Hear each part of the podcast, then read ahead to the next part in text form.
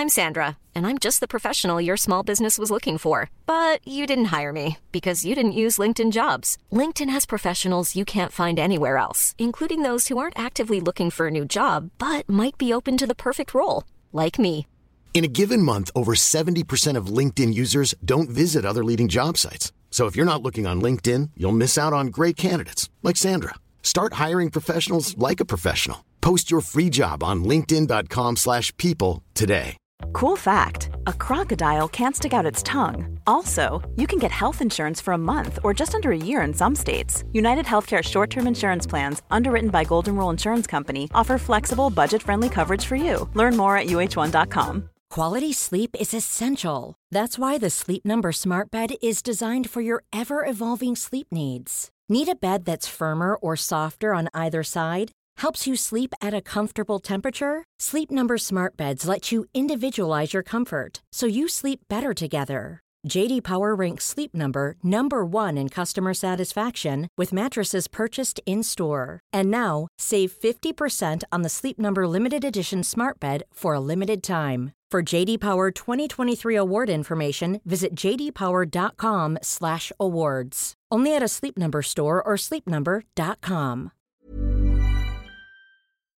Vi är denna vecka sponsrade av Indie Beauty. Och Sofie, det här tycker jag är extra fint och extra roligt. Ja men Indie Beauty är ju ett skönhetsvarumärke som jag tror att väldigt många känner till, men det jag älskar mest det är att Indie Beauty liksom vill vara mer än bara produkter, vilket de ju också är. Exakt, Indie Beauty står ju för Independent Beauty, skönhet på dina villkor och för din egen skull.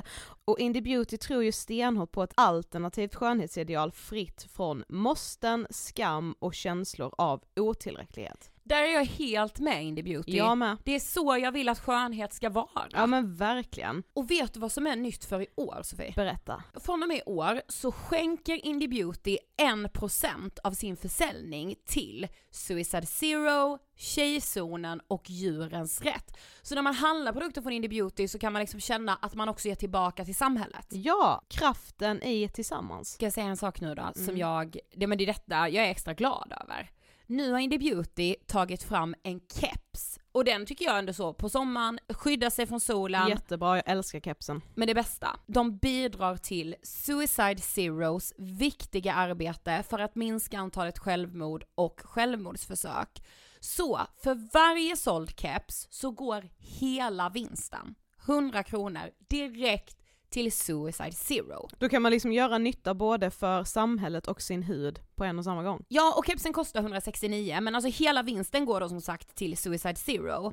Så om man vill göra skillnad när man är där ute i solen, nu när den börjar titta fram, då ska man välja den här kepsen. Den säljs exklusivt på indiebeauty.se och på Apotea. Tillsammans kan vi skapa en ljusare framtid. Vi ses med kepsarna på! Tack Indie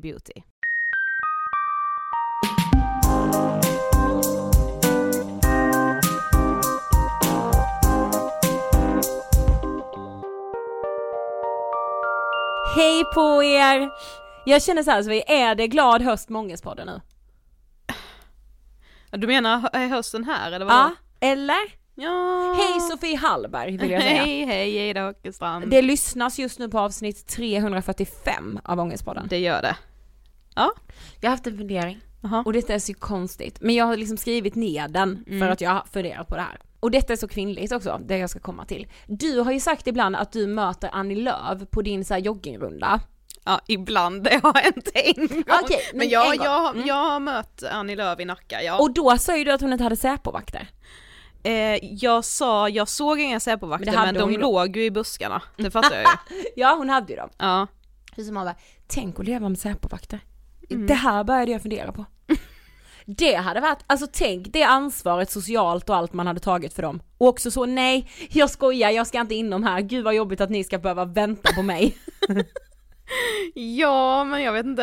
Det är Mycket ju med. deras jobb. Ja fast mycket hade, ja men och alltså. Vadå, vet du vad som är typisk kvinna att ta Ja. ansvar för en Säpovakt? Nej. När jag jobbade på i restaurang Ja. så jobbade jag en kväll med, under en bokrelease, Ja. där det var så här, Vivica Sten, hon som skrev mycket deckarböcker och sånt, Moden i Sandhamn.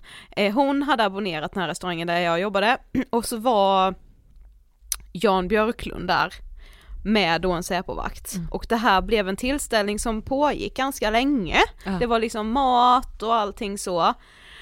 Eh, och den här Säpovakten han bara står där, så när jag liksom börjar plocka undan Ja. mat och dricka, börjar jag ändå städa undan för kvällen, jag bara gud, är inte du så hungrig? Ja. Vill du ha lite mat? Och han bara såhär, jag får inte äta.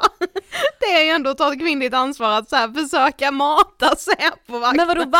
Alltså han får inte göra det i Nej, då, nej det är klart de inte kan.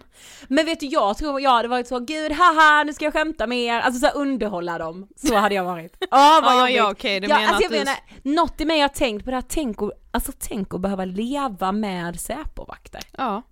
Ah vad jobbigt! Men de ska ju också hålla så pass långt avstånd så att du ska ju inte vara social med dem. De ska ju inte märkas.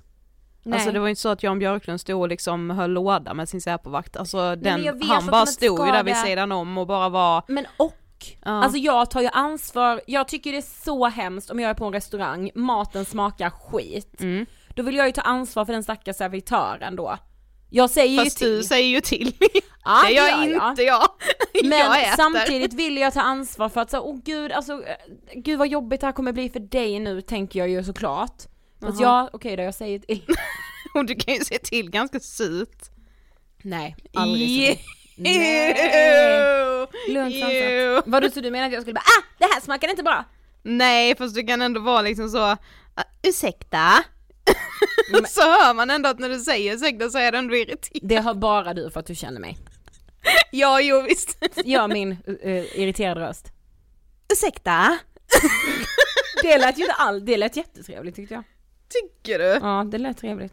Ursäkta? Åh oh, nej, ah nu var något Oj. i min klämma som gick sönder. Jag hörde det. Nej! Ja ja, fan vad Men- stökigt det här blev. Ja, jag har ju också, alltså den här, du vet, alltså senaste veckan, jag fick ett sånt mentalt spel, fick jag. Aha. Eh, över att, alltså så här, maktförhållanden, kvinnor män, av att kvinnor aldrig kan Alltså vinna en argumentation mot en man, för att mans känslor är facit, kvinnor är alltid hysteriska. Ja, Jag kommer ta upp det här i höstavsnittet, Ja. så mycket kan jag säga. okej och, Och- det kommer ju komma ganska snart. Ja, och en sista sak. Vi har tagit vaccindos 2 och jag vill Yes. uppmana alla som lyssnar på det här att gå och vaccinera er. Ja, alltså det, jag tycker, börjar faktiskt tycka att det är väldigt pinsamt att tillhöra vår generation. För vi är sämst på att vaccinera oss. vaccinera? Det är så pinsamt! Och vadå jag fattar heller inte grejen för det var ett jävla liv i våras om att säga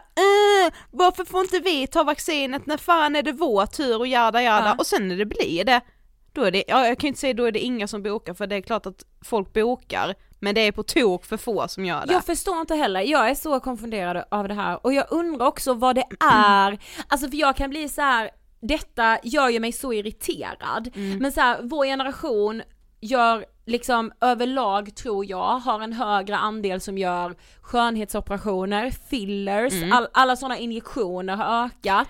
Om vi tittar på till exempel eh, droger. Skulle alltså precis här- säga droger! Nej men droger är så normaliserat. Ja. Alltså förlåt, det är så normaliserat. Mm. Och det kan folk så ta. Men sen så, jag vill inte ta vaccinet för det är inte så beforskat. Men man vet ju inte vad det är de sprutar in. Man vet Nej inte vad som vad kan du, hända. du, du vet då exakt vad det är du drar upp i näsan eller vad? Ja men alltså du vet, nej jag kokar. Ja. Alltså jag har kokat. Ja. Nog om detta. Ja. För nu vill jag introducera Mm. en gäst som tog oss med storm. Absolut. Hanna Wallensten. Ja, och idag kommer vi prata om minoritetsstress, rasism, men vi kommer ju också in på eh, kvinnligt och manligt diskussionen, Strukturer. eh, om liksom eh, självhjälpsgrejer, Beröringsskräck. ja, Men du, Hanna sommarpratade ju i somras. Yes. Det vill jag verkligen rekommendera eh, när man har lyssnat på det här avsnittet. Mm. För man kommer känna så här: jag vill ha mer av Hanna. ja. Skönt. Det Ja. finns ett sommarprat. Jag vill ha mer av Hanna, då har Ja. jag redan lyssnat på sommarpratet och nu spelat in den här intervjun. Ja. Och jag kände också med Hanna vi kom faktiskt varandra nära. Ja. Okej då. Vi rullar intervjun med Hanna Wallensten. Varsågoda! Hej Hanna och varmt välkommen till Ångestpodden! Tack! Det är jättekul att du är här. Verkligen. Det är väldigt fint att få vara här. Och när vi mejlade dig så var det ju så, ja ah, men jag har den här luckan, då blev vi så glada. Den luckan tar vi, tänkte Ja, vi. ja. Eh, Jag är också glad att vi hittade en lucka. Ja. Men du ska berätta för de som inte vet, vem är du? Mm.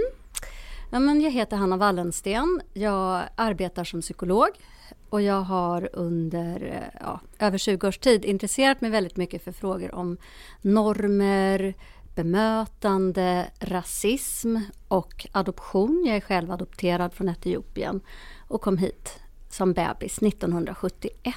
Mm. You do the math. ja. Men vad tänker du på när du hör ordet ångest? Åh, tänk, ja, idag tänker jag jobb. det är det jag oftast arbetar med tror jag. Eh, ångest, alltså undan, jag tänker på undantryckta känslor. Jag tänker att väldigt mycket ångest handlar om känslor som vi har men inte, av någon anledning inte riktigt har kontakt med. Vi tänkte så här, alltså vi vill ju prata med dig idag såklart om ditt jobb som psykolog, att du också är så kunnig i ämnen som rasism, adoption, de sakerna. Men vi tänkte ändå att vi liksom vill backa bandet, som du sa, du är adopterad från Etiopien. Men hur ser du tillbaka på din uppväxt? Ja, ja men jag växte ju upp eh, som adopterad på 70-talet, 70-80-talet. som var en tid då vi inte pratade egentligen om rasism, vi pratade inte om normer på det sättet. Eh, det som pekades ut för mig var att jag var kortvuxen, jag är 1,50 idag. Eh, och det var det så här, nej men åh, behöver gå till doktorn och kontrollera och ja, det var, skulle jag bli lång eller inte? Och när man är adopterad som jag är då, jag har ingen kontakt med biologisk familj eller så. Så då var det också svårt att veta, kommer jag plötsligt att skjuta i höjden eller Eh, Så egentligen var det nog den normavvikelsen som, som jag, jag var mest upptagen av under, under min uppväxt. Att min kropp var fel och det var mest liksom längden som var fel. Jag gick och hoppades att jag skulle bli lång som mina vita föräldrar och sådär. Och sen när jag insåg att så blir det inte så kändes det som att världen gick under. Vilket jag kan tänka säger någonting om liksom vad snäva normerna är i vårt samhälle. Jag tänker på ert förra avsnitt också som handlade om ätstörningar. Man ska se, kroppen ska se ut på ett väldigt specifikt sätt. Liksom. Den ska vara lagom lång och lagom tjock och lagom brun och lagom hej och lagom hå. Ah. Och det känns som att den ramen blir bara mindre och mindre och mindre. verkligen. Även fast vi pratar om det mer och mer ändå. Vi har ju blivit mycket bättre på att prata om normer och så. Men ändå så stramas ramarna åt lite grann hela tiden. Det där är jätteintressant. Jag tänker att de stramas åt å ena sidan eh, på så vis att vi Alltså vi ser varandra och oss själva. Jag tänker vad den här pandemin har gjort.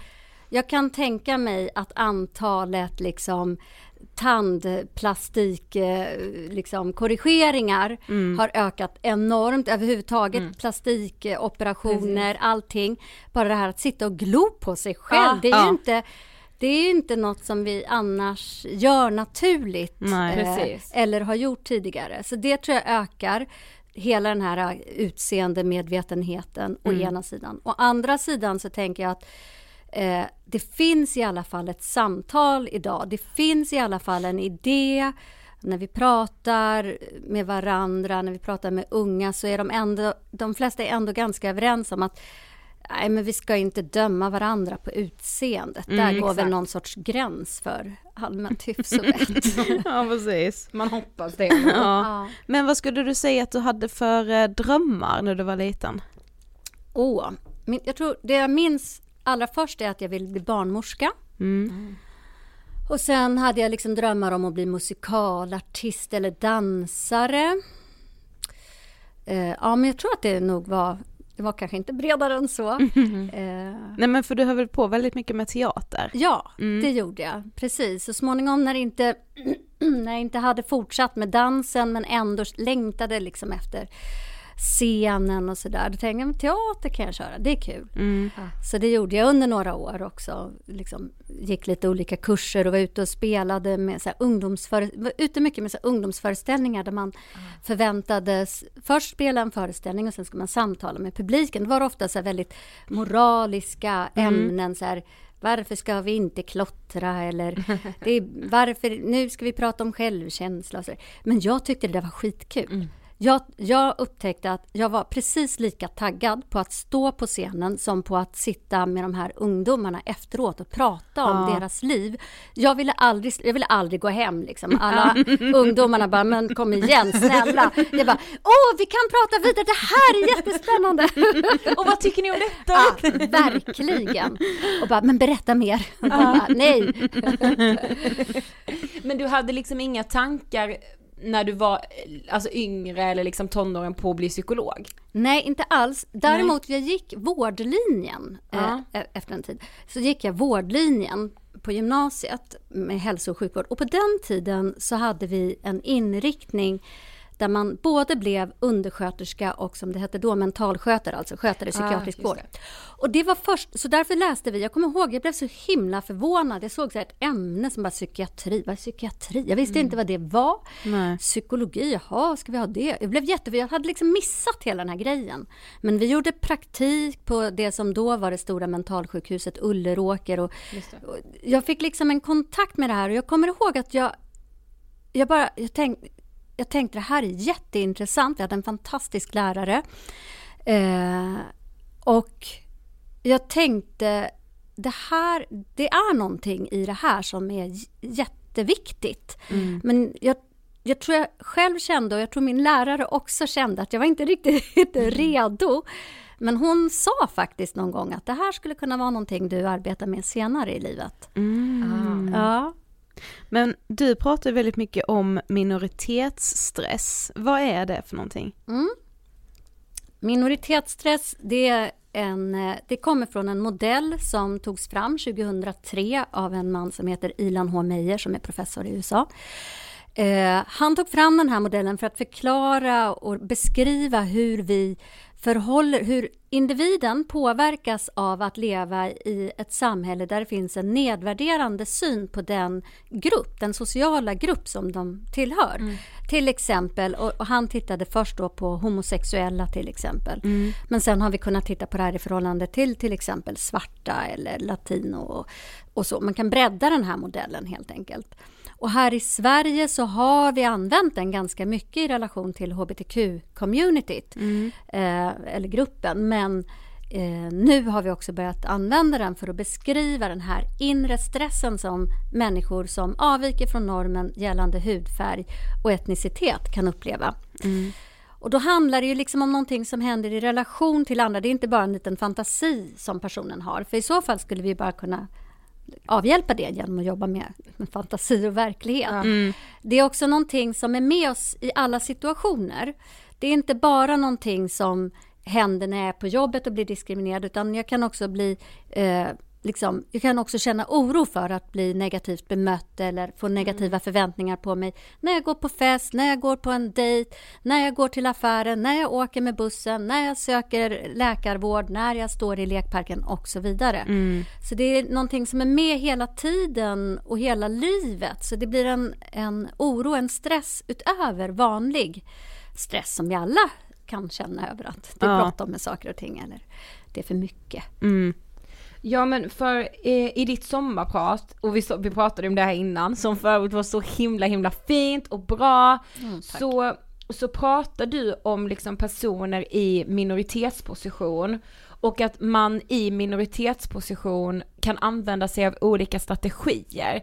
Alltså det var så intressant. Kan inte du berätta lite om det? Jo, det gör jag gärna och jag tänker att Eh, det är lätt, när, när jag pratar om de här frågorna så, så, så vill jag verkligen att vi eh, liksom försöker tänka att Alltså vi som, vi som själva inte är vita eh, är ofta ganska medvetna om det och vi kan relatera till det här. Men jag tänker att de flesta av oss kan relatera till idén om minoritetsstress. Vi har alla stått på den där festen där plötsligt alla är tio år äldre eller tio år yngre än vi själva och tänkt att ja, nu måste jag kanske anpassa mig på något vis. Mm. Eh, men vi lämnar festen och sen behöver vi inte ha den oron. Medan med minoritetsstress då är det ju någonting vi har med oss hela tiden. Mm.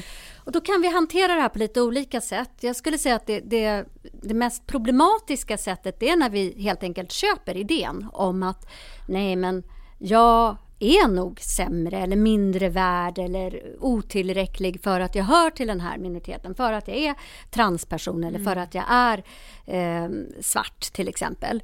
Så nej men sådana som jag, vi är inte så bra eller vi kan inte eller jag kommer aldrig lyckas, det är ingen idé jag försöker.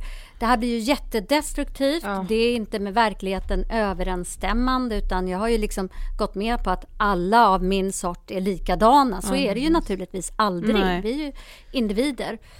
Ehm, det kan också göra att jag kanske känner att jag hela tiden måste försöka hävda mig, att jag tror att jag ska jobba dubbelt så hårt för att ja. bevisa mig eller för att det ska bli tillräckligt. Att jag får så här upplevelse av bluffsyndrom, att jag är, mm. även om jag lyckas så är det säkert inte tillräckligt i alla fall. Mm.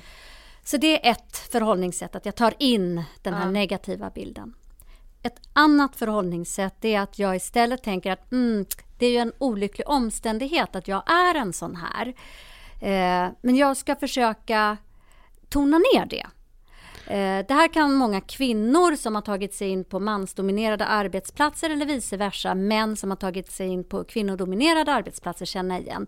Nej, men jag försöker inte vara så mycket av, av den könstillhörighet som jag uppfattas mm, ha. Mm. Eh, jag, försöker inte vara, jag försöker inte vara så brudig, jag försöker inte vara så tjejig, mm. jag försöker inte vara så kvinnlig eller jag försöker vara mer och så försöker jag då vara mer utav det som är normen. Just ja, här det. gäller det att vara riktigt eh, kaxig och manlig. Och, så, ja. och då, då börjar vi ju också leva upp till stereotypa föreställningar som vi själva har mm. om, ja, om den här normen. Så att det blir bara ett enda sammelsurium utav olika stereotypa föreställningar. Men det som kanske är ännu mer problematiskt det är att jag stänger ju av en annan del av mig själv. Mm. Om jag eh, identifierar mig som kvinna Mm. Och så försöker jag vara så mycket man jag bara kan och tona ner allt som är kvinna. Vad är det mer jag tonar ner då? Mm. Vad, är det jag vad är det som försvinner på kuppen liksom? Vilka delar av mig själv är det som jag stänger av och inte kan bjuda på men inte Exakt. heller har tillgång till. Kommer jag vara en lika kreativ, kommer jag vara en lika produktiv mm. medarbetare till mm. exempel då? Mm. Kanske, kanske inte. Den tredje strategin som vi kan använda oss av när vi oroar oss för att, att eh, folk ska se ner på oss, det är att vi helt enkelt blir väldigt uppmärksamma eller hypervaksamma eh, så att vi inte ska råka ut för någonting negativt. Vi kan jämföra det med om, om jag brukar gå en väg till jobbet varje dag och sen så en dag när jag ska gå så kommer en stor lastbil plötsligt vid ett övergångsställe i hög fart ni vet den där känslan, ja. man blir alldeles rädd. Mm. Det kommer ju att göra att nästa gång jag ska gå över en gata kommer jag kanske titta en extra gång. Jag vill inte att det där ska hända igen. Jag vill absolut inte bli överkörd. Samma sak, om jag har råkat ut för en kränkande situation en gång, då kanske jag kommer vara lite uppmärksam när jag kommer i en liknande situation. Jag vill inte råka ut för det igen. Mm. Så jag kommer vara uppmärksam. Det som händer när vi är väldigt uppmärksamma på risken för att bli illa behandlade, det är att ja, den negativa sidan är att vi kan ju bli överreaktiva. Liksom. Vi lägger mm. märke till faror till och med när det kanske inte ens finns faror. Ja. Vi tänker, ja, vad är det där för blickar de ger mig? Vad, vad handlar? Det är säkert för att de mm. ser att jag har krulligt hår. Mm. Ja. det kanske inte alls hade med det att göra. De kanske tyckte jag hade en snygg väska. Mm. Men jag är så orolig för det här så att jag är överuppmärksam. Man är på tårna ja, liksom. Precis, mm. man är på tårna. Det är den svaga sidan i det hela. Den goda sidan med att vara uppmärksam det är att jag kanske lär mig att känna igen hur diskrimineringen ser ut, ja. hur den brukar gå till. Jag kanske väljer att läsa på, jag kanske lär mig mer. Jag kanske känner igen en härskarteknik när den kommer emot mig. Exakt. Jag kanske identifierar en fara när den är på väg mot mig, vilket gör att jag faktiskt kan skydda mig, att jag kan välja en annan väg, att jag kan välja en strategi för att signalera att liksom, hej, jag är inte farlig, om du trodde det. Du behöver, du behöver inte liksom vara aggressiv mot mig. Mm. Eh, så, så det, det kom verkligen med för och nackdelar. Ja. Och det kan också vara jätteproblematiskt därför det kan vara så att den som har lärt sig mycket om en, liksom, en diskrimineringsform kanske ser saker som andra inte ser och kanske förstår att det här är, nu blir jag, nu blir jag illa utsatt för att jag är kvinna. Mm. Ja. Fast det är ingen annan som fattar ja, det. Exakt. Så jag höjer och... min röst och försöker förklara att men det här skulle ni inte ha gjort om jag hade varit man. Mm. Men alla säger Nej det där är bara i ditt huvud. Mm. Ja, åh fy fan ja. Mm. Man relaterar, alltså. Var ja. inte så känslig. Ja. Mm. Liksom, ja. det här, man måste kunna ta ett skämt. Mm. Mm. Och alla menar faktiskt inte illa och förresten älskar jag kvinnor. Mm. ja. ja, jag är visst feminist. ja, precis. Frå fråga min fru. ja, ja. Alltså. Eh, ja, så där har, så, så det, de här strategierna, och samtidigt ska jag säga en sista sak om den strategin. Det som är bra är att jag kanske har förstått att det är inte hos mig problemet Nej, ligger. Just Nej. det, för det, ja. Mm. Och det är ju väldigt bra att, att förstå att ibland har vi att göra med strukturer och maktförhållanden och, och, och, saker som, det behöver inte ens vara så att den som säger eller gör någonting som blir elakt eller kränkande eller nedsättande eller diskriminerande, den kanske inte ens har den avsikten. Nej. Men det sker i en struktur och i ett sammanhang som gör att det får den effekten. Mm. Ja.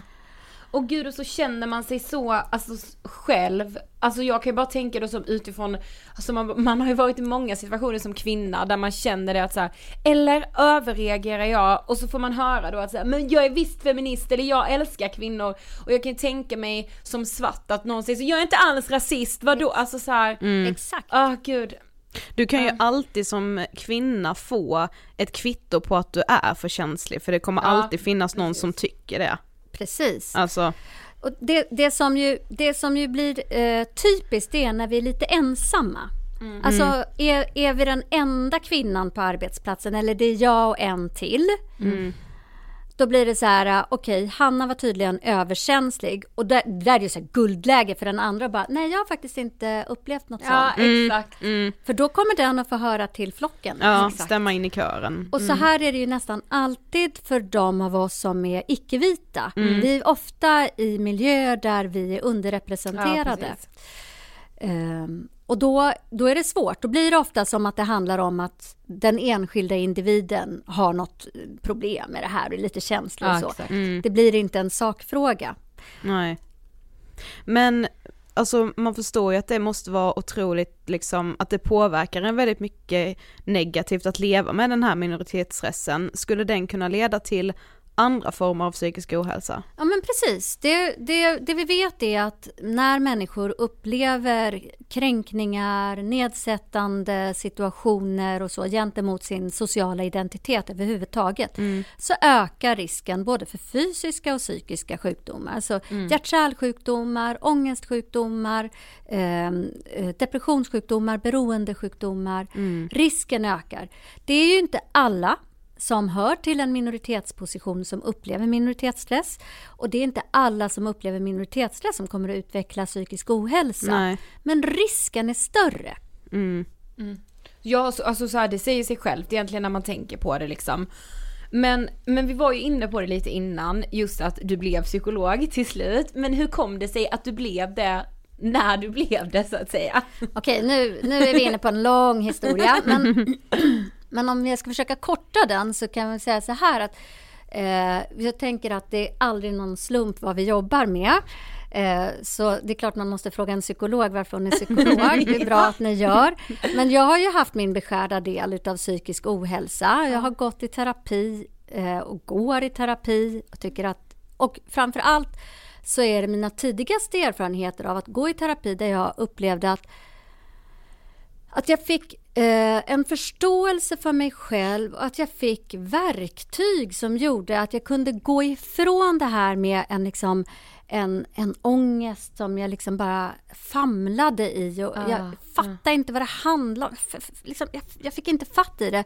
Till att jag kunde se så här, mhm, den det här som jag upplever det är ett uttryck för att något annat inte funkar. Alltså när, bara när den poletten trillade ner så att jag kunde börja så här, okej, nu känner jag ångest. Vad är det jag inte har koll på? Ja. Alltså det skiftet Exakt. kändes ju magiskt Ja. att få fatt i. Och sen, ja men då kunde jag upptäcka saker eh, som behövde tas tag i och, och så. Och faktiskt förändra saker i mitt liv på ett sätt som gjorde att jag gick från, från en, en väldigt besvärlig position till, ja, sen har det ju bara blivit bättre. Men du blev ju färdig psykolog 2017, så Ja, det är liksom precis. bara fyra år sedan. Ja. Så du har ju liksom ändå ganska nyligen gått hela psykologutbildningen. Exakt. Skulle du säga att det fanns brister i psykologutbildningen kring just frågor om rasism och eh, minoritetsstress och så? Ja, det skulle jag säga. Ehm, och jag, det jag hade gjort var att jag, jag, jag läste en krånglig väg. Då, så jag läste först en kandidatexamen i psykologi, sen läste jag en psykoterapiutbild, en grundläggande psykoterapiutbildning. Och sen gick jag psykologprogrammet. Och det gjorde att jag hade jobbat ganska mycket innan. Jag hade jobbat mycket i socialtjänst och jag hade varit lite i psykiatrin och sådär. Eh, och det gjorde att jag kom, jag kom hungrig till psykologprogrammet och jag visste precis vad jag ville ha hjälp att förstå. Ja. Eh, och jag, jag tycker att psykologprogrammet är, är kul för att man får mycket eh, hjälp att förstå hur vi funkar, hur, hur liksom Ja. tankar, känslor, beteenden, hur det hänger ihop. Liksom. Och vi får väldigt bra verktyg. Men jag tycker tyvärr att, att eh, det är för lite fokus på att sätta ihop de större sociala strukturerna med de inre psykologiska Ja, ja. Eh, strukturerna. Mm. Eh, där tycker inte jag att psykologprogrammet hjälpte mig tillräckligt. Nej. Nej för det kan jag känna med om man bara, alltså om man bara liksom läser typ så här självhjälp och så, det är mycket där som liksom kan hjälpa en om det inte finns en enda yttre omständighet. Och så funkar ju inte livet. Så hur ska man kunna ta, är hur, hur i hela friden ska man kunna ta självhjälpen till sig? För att så här, hade jag bara gått runt i min egna sfär, inte haft några runt omkring mig eller liksom inte jobbat eller befunnit mig i liksom socialt nätverk, då hade mycket funkat. Alltså Men du det är ju- sätter ju verkligen Ja, alltså, verkligen fingret en på. Ja. någonting som är jättecentralt. Det här, jag skrattar så mycket när du säger det här därför att du sätter fingret på ett dilemma som, som vi har inom psykologisk forskning. Nu är Mm. inte jag forskare ska jag säga, men, men ett, ett dilemma är ändå att när vi vill göra riktigt liksom så här, randomiserade, kontrollerade studier där Mm. vi liksom kan, ja, men kan vara säkra på att vi mäter det vi har tänkt oss att mäta. Mm. Då gör vi precis det där. Vi skalar bort. Nej men vi låtsas att det inte finns några barn, vi låtsas att det inte finns några krig, vi låtsas att det inte finns några... Vi, vi, vi bara skapar ett litet eh, vakuum här. Ja, Nej, men titta, och så sätter vi in den här interventionen. Åh vad bra, det funkar! Ja. Och det är ju jättebra, vi måste göra den typen av forskning. För annars så vet vi ju inte. Jaha, men var det här på grund av barnen eller på grund av kriget? Eller, så vi behöver ju börja där. Men det är ju när vi ska ta de här studierna till nästa steg och göra det i klinisk praktik. Det är då vi får så himla många ytterligare faktorer som gör att det blir förvirrande.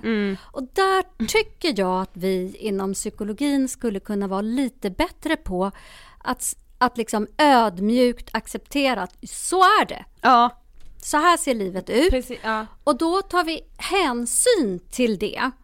Och ibland så håller vi alla de här eh, liksom strikta eh, kontrollerade studierna i åtanke. Vi tar, tar med oss alla våra utmärkta manualer.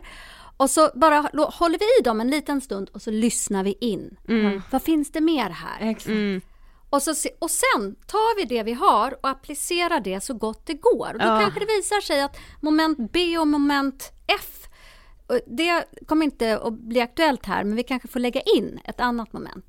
Jag säger inte att det här inte görs. Det, alltså, det finns massor med superduktiga terapeuter och psykologer som gör precis så här. Men jag tycker vi pratar lite för lite om det på psykologprogrammen. Ja. Eller i alla fall där jag har gått. Ska jag säga.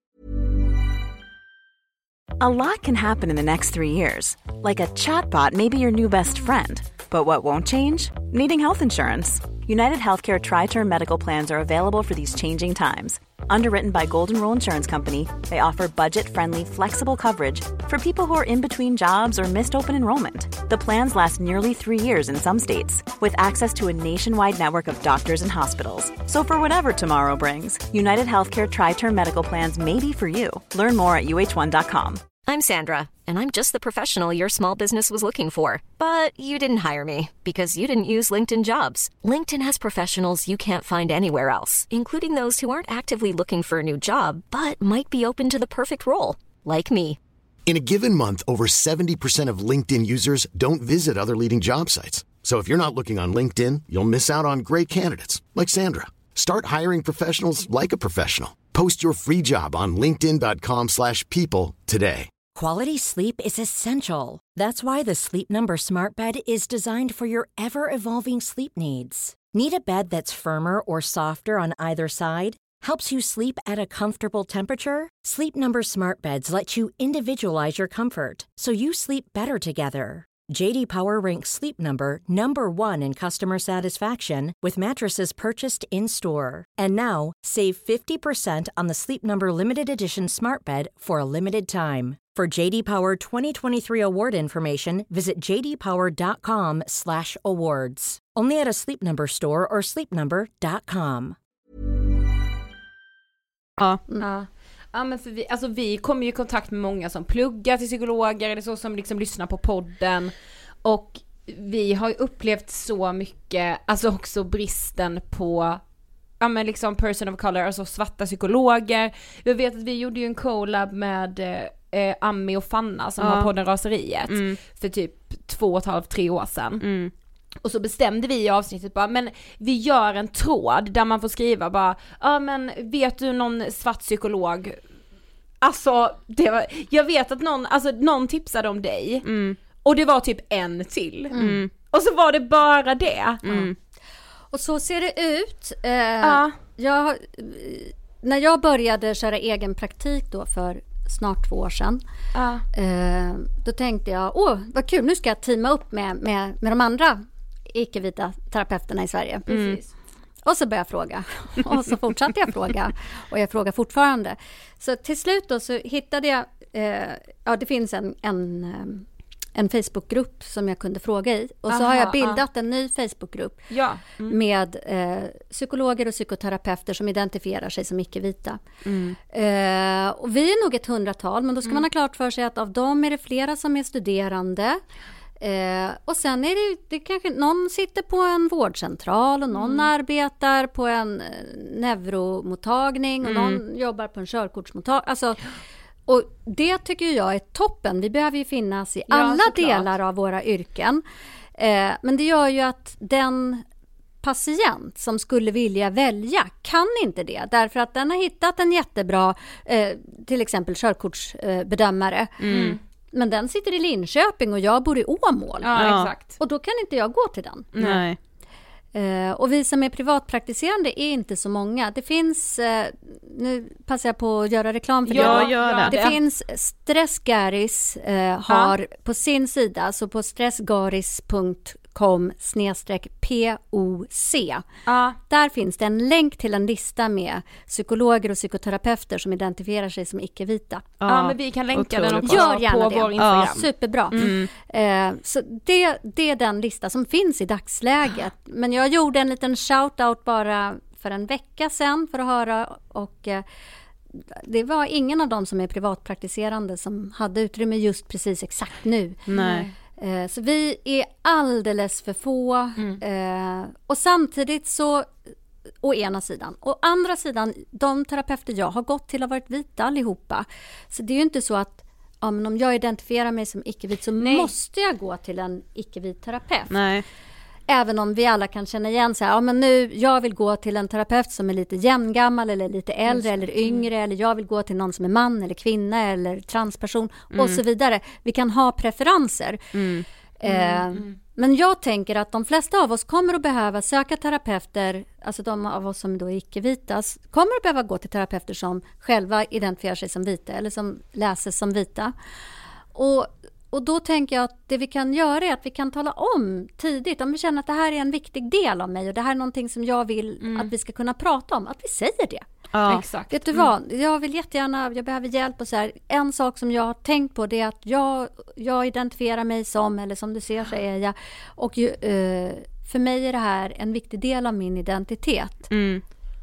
Känns det okej att vi kan liksom prata om det? Ja. Så får man känna lite. Exakt. Känns det, hur känns det att det här landar? Känns det som att personen i fråga kanske säger ja visst, de, den erfarenheten delar inte jag men jag vill gärna lyssna och försöka förstå. Ja, precis. Det brukar vara en jättebra ingång. För det är ju det vi är tränade till. Ja, exakt. Det är det vi, vi faktiskt, eh, psykologer generellt, är ganska bra på. Att Ja. så här, försöka lyssna och försöka förstå. Mm.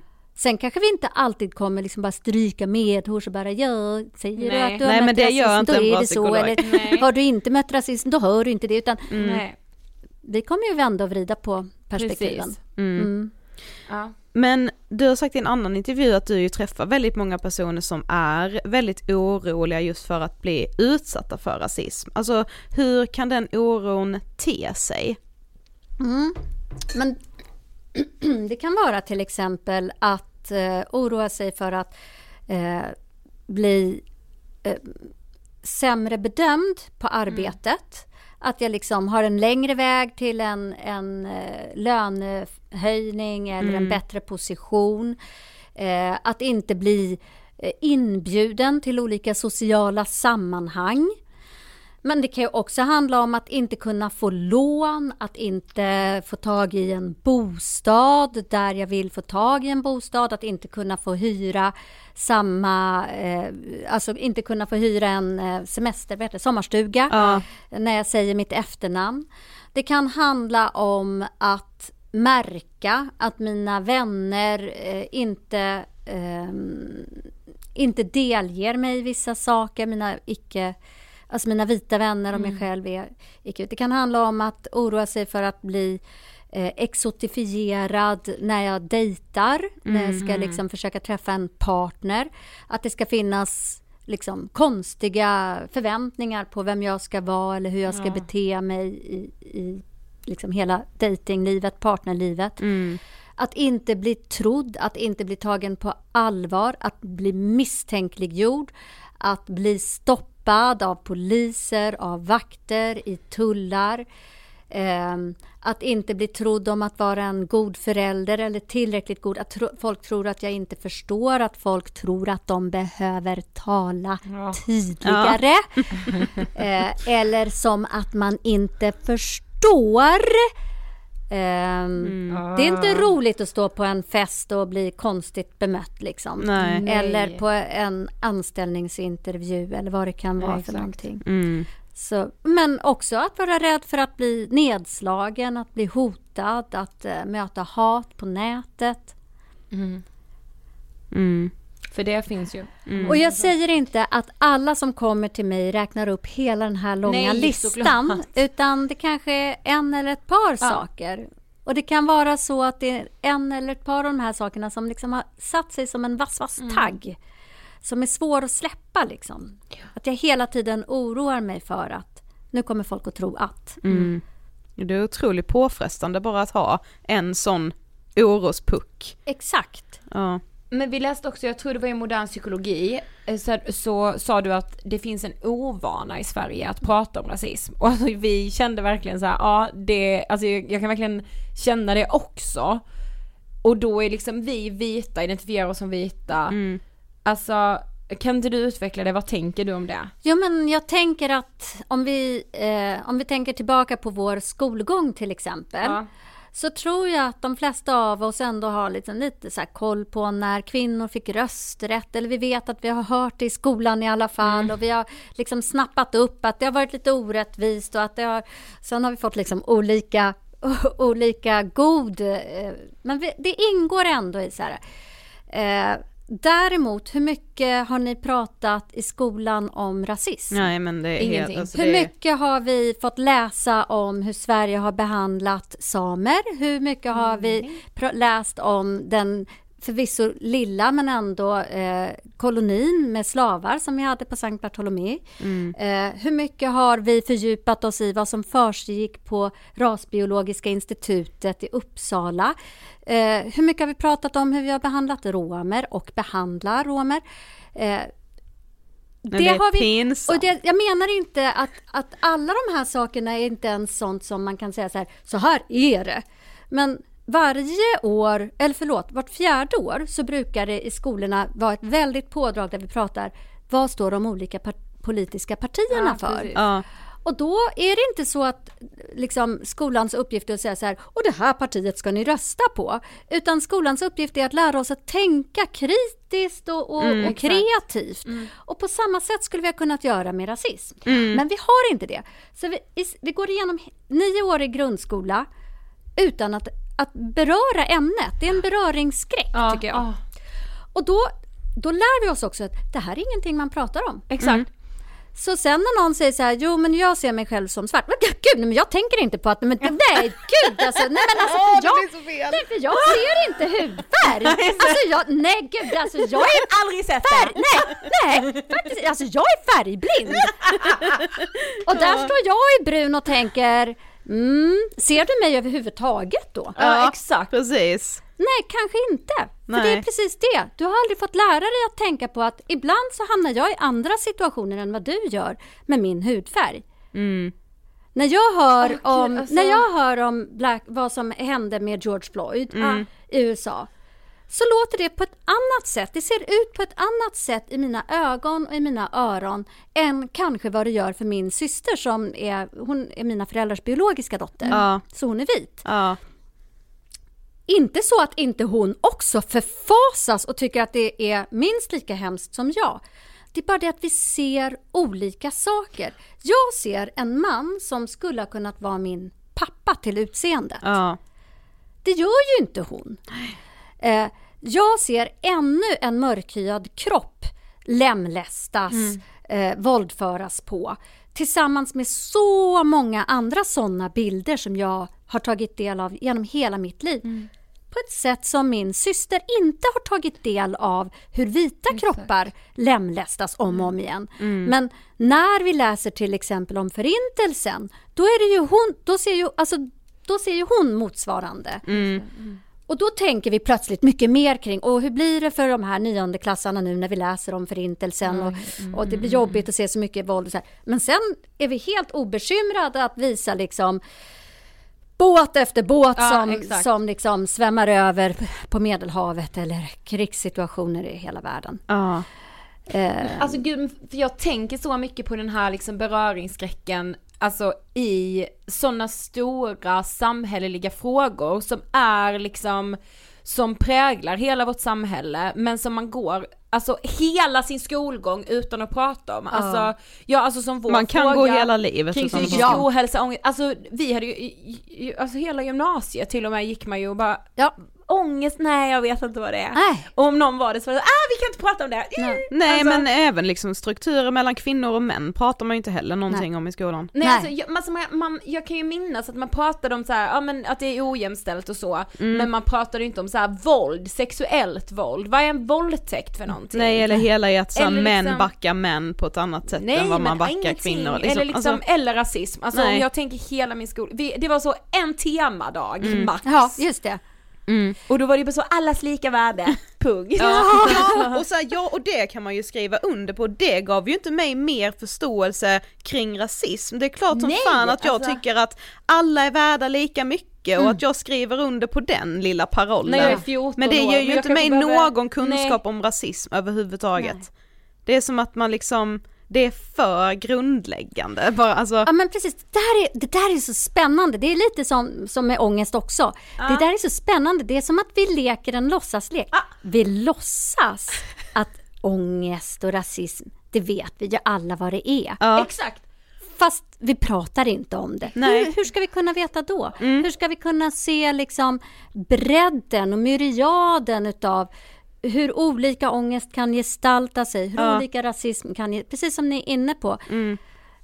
Ja, och jag, ju, jag tycker att det är jätteviktigt att prata om de här sakerna. Ni fattar ju, jag är ju så här envisas med att pillra i sårskorporna. Bara så här, ah, psykisk ohälsa, rasism, ja, mums. Men jag måste, alltså för du föreläser ju också mycket. Ja. Är du mycket på skolor, alltså Jag har varit mycket, jag har varit Ja. mycket på skolor. Ja. Eh, nu är jag mer på arbetsplatser Ja. eh, av alla dess slag. Och, och, och jag upplever att, och där möter ju jag resultatet av att vi inte har pratat om det här. Exakt. Alltså på vissa arbetsplatser, där, där kan jag, när jag föreläser, kan jag se hur alla sitter som på nålar. Och de lyssnar jätteuppmärksamt och det enda de önskar är Snälla bara säg hur vi ska göra. Säg vad jag ska säga när jag går ut härifrån. Man vill bara ha ett facit. Exakt. Kan du inte bara säga så här, säg A, B, C och sen är det bra liksom. Ja. Säg hur jag ska göra. de här fraserna? Och Precis. de, Och det är lite, jag tänker så här, det är lite som med ångest. Ja. För vilket avsnitt är det här i er podd? Ja, 300. 337. Säg bara hur jag ska göra med min ångest. Exakt.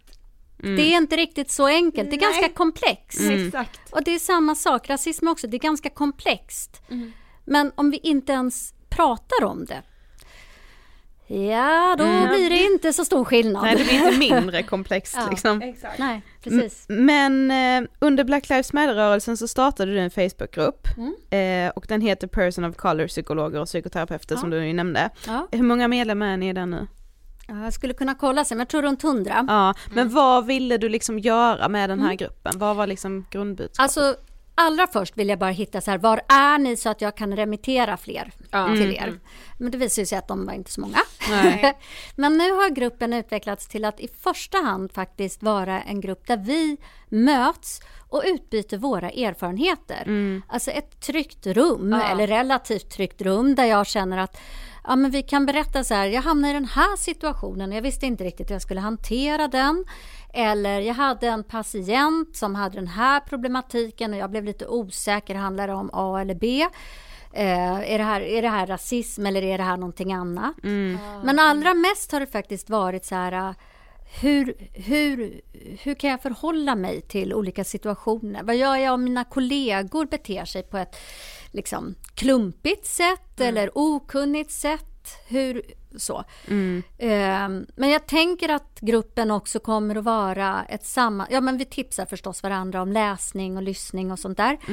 Ehm, men jag tänker att det kanske också kommer att vara en, ett forum där någon plötsligt känner så här, men jag skulle vilja göra jag skulle vilja skriva en artikel på temat eller jag skulle vilja göra en studie eller jag sådär eh, vill uppvakta en politiker eller Ja. så. Ja, ja, Den är väldigt, väldigt eh, eh, öppen än så länge. Och, och det är också en tanke att den ska få... det- Det får bli utifrån gruppens behov. Ja, precis. Ja. Men alltså vi tänkte på det, alltså nu är det ett och ett halvt år sedan liksom Black Lives Matter-rörelsen ändå, vilket ord ska man använda, men liksom som, som vi blev vasse på ett sätt. Eh, alltså tycker du att Sverige har förändrats efter Black Lives Matter? Ja, efter mordet på George Floyd tycker jag faktiskt att... Eh, jag tycker att frågan har kommit upp på dagordningen på ett helt annat sätt än tidigare. Jag är också otroligt glad därför att det är många som identifierar sig som icke-vita som har höjt sina röster och som också många som har höjt rösten länge, länge, länge men som äntligen får medialt utrymme. Ja, Eh, och jag tycker att det, det ger... Det är jätte, jag tycker att det är jättepositivt att äntligen så har det här blivit legitimt. Exakt. Första månaderna tror jag vi var många som kände så här, åh herregud, nu måste vi skynda oss, nu, nu, nu får vi prata, nu måste vi prata, vi måste prata, vi måste prata jättefort. För vi var så vana Ja. vid att man får liksom två, tre dagar och sen går det vidare till något Exakt. annat. Ja. Men det här råkade ju inträffa precis under pandemin. Det var lite, lite mindre nyhetsflöde med andra grejer just precis då. Och så var det en oerhört dramatisk Precis. händelse som, som på något sätt gick under huden på, på väldigt många. Mm. Eh, och jag tror att det blev en aha-upplevelse för många. Att oh, det här är så illa. Ja. Så kombinationen utav det och att vi är så pass många, många som idag, eh, inte minst som många av dem som höjer rösten, som efterfrågar fortbildning och så på sina arbetsplatser så, är personer som själva identifierar sig som icke-vita. Och det är tack vare att de nu är tillräckligt gamla. Ja. För det här, det är ju, vi som är icke-vita är en förhållandevis, just, inte just jag då, men många är en förhållandevis ung grupp. Så många har liksom precis blivit klara med sina kanske högskoleutbildningar eller så, kommit ut i arbetslivet. Det finns också, upplever jag, en stor grupp som man har harvat på, man har gått i skolan, man har sett rasism, man har gått i gymnasiet, man har hört, man har tagit, man har varit liksom, man har accepterat att så här är det, jag är barn, ungar är dumma i huvudet, lärare kan också vara dumma i huvudet, jag behöver mina betyg. Man kommer ut i arbetslivet och så märker man att äh, det är samma grej Ja, här också. ja, ja. Och då är det som att, men nu får det vara nog. Precis. Det här går inte. Nu har jag skaffat mig den långa utbildningen.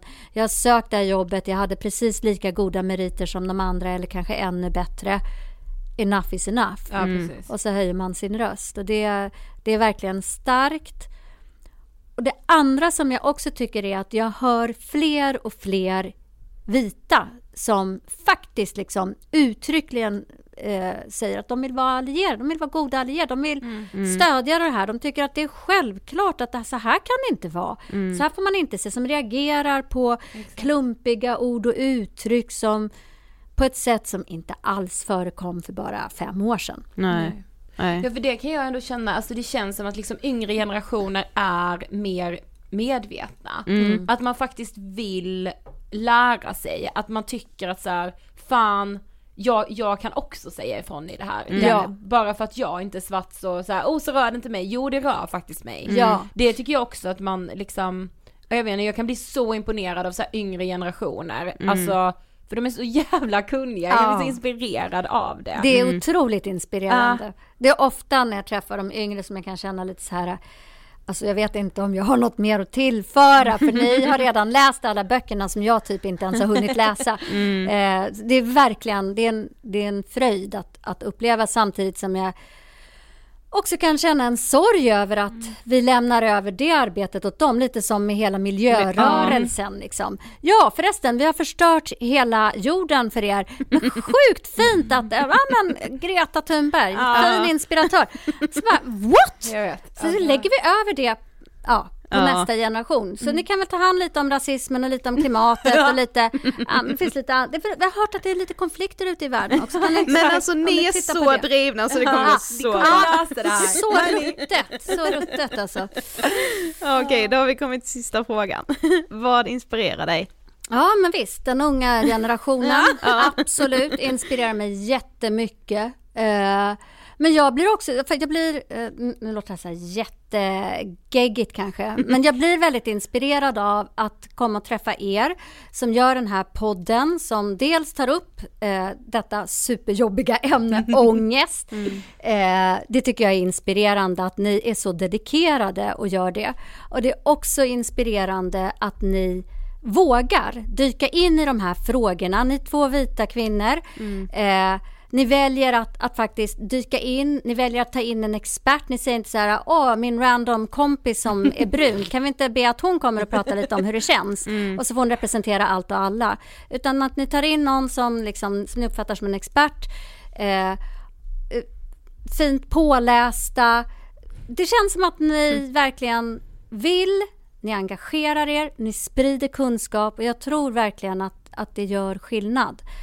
Eh, Så det inspirerar mig jättemycket. Tack så mycket. Ja, men jag, tack tänk, ja, men jag tänker också att jag tror att kanske tack vare att vi har varit och, och grävt så mycket i ångest och psykisk ohälsa Mm. och liksom ändå självmord och liksom väldigt mörk psykisk ohälsa så tror jag också att vi har fått en annan acceptans för att saker och ting får vara komplexa. Ja, Ja. det kanske Ja. känns jättekomplext att två vita unga tjejer bjuder in en icke-vit. Men hur ska vi annars sprida samtalet? Alltså Verkligen. att liksom våga acceptera att saker är ganska komplexa. Ja, åh, jag älskar att du säger så. För jag, och vet du, jag, jag gjorde liksom en felhörning. Ja. Du sa ni har jobbat med komplexa frågor som självmord. Ja.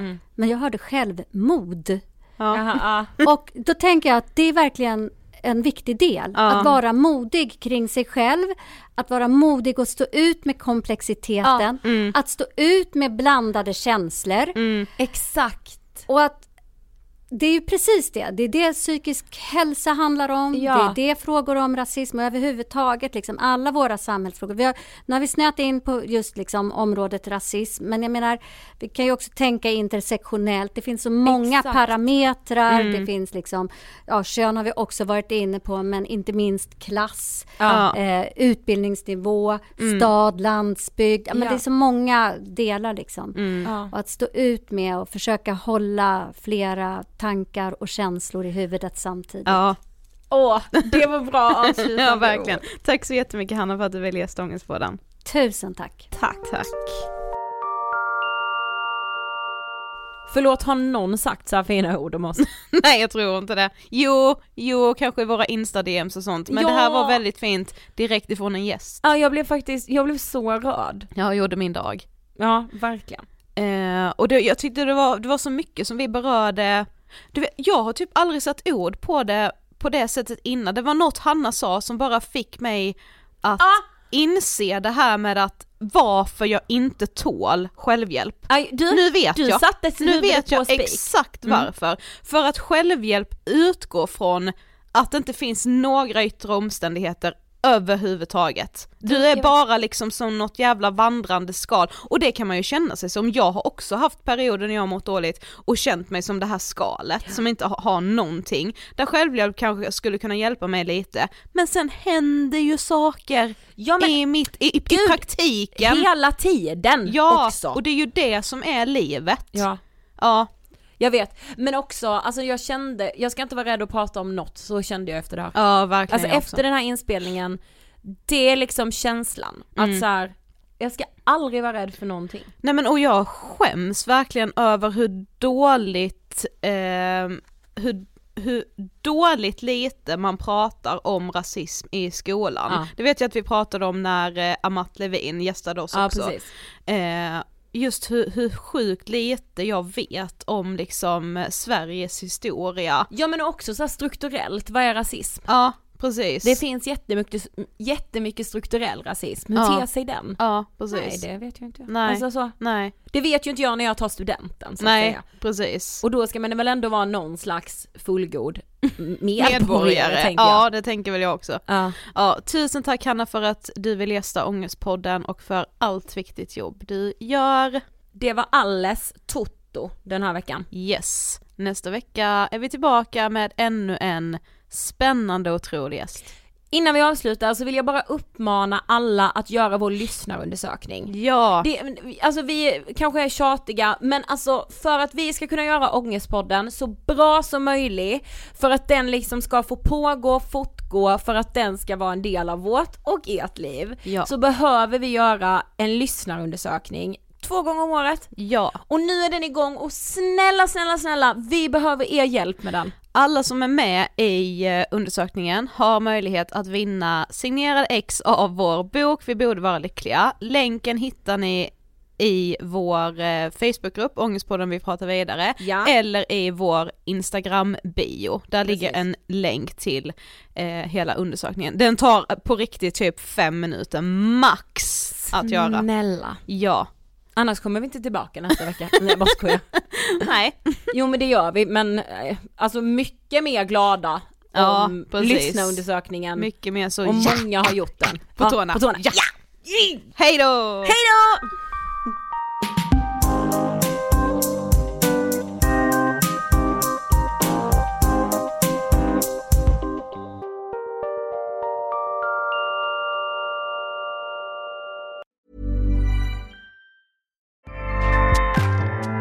ACAST powers the world's best podcasts. Here's a show that we recommend. So, Robert, tell the people what's a pretendian? It's just what it sounds like, Angel. A pretend Indian. Someone who fakes being one of us? Someone who impersonates a native. We're talking about real scammers and con artists. There are pretendians teaching at universities, pretendians running governments, pretendians in Hollywood. On our new podcast, Pretendians, we'll tell you the incredible story of these jaw dropping frauds. Who are they? Why do they do it? And how the heck do they keep getting away with it? Listen to Pretendians on Spotify or wherever you get your podcasts. ACAST helps creators launch, grow, and monetize their podcasts everywhere. ACAST.com.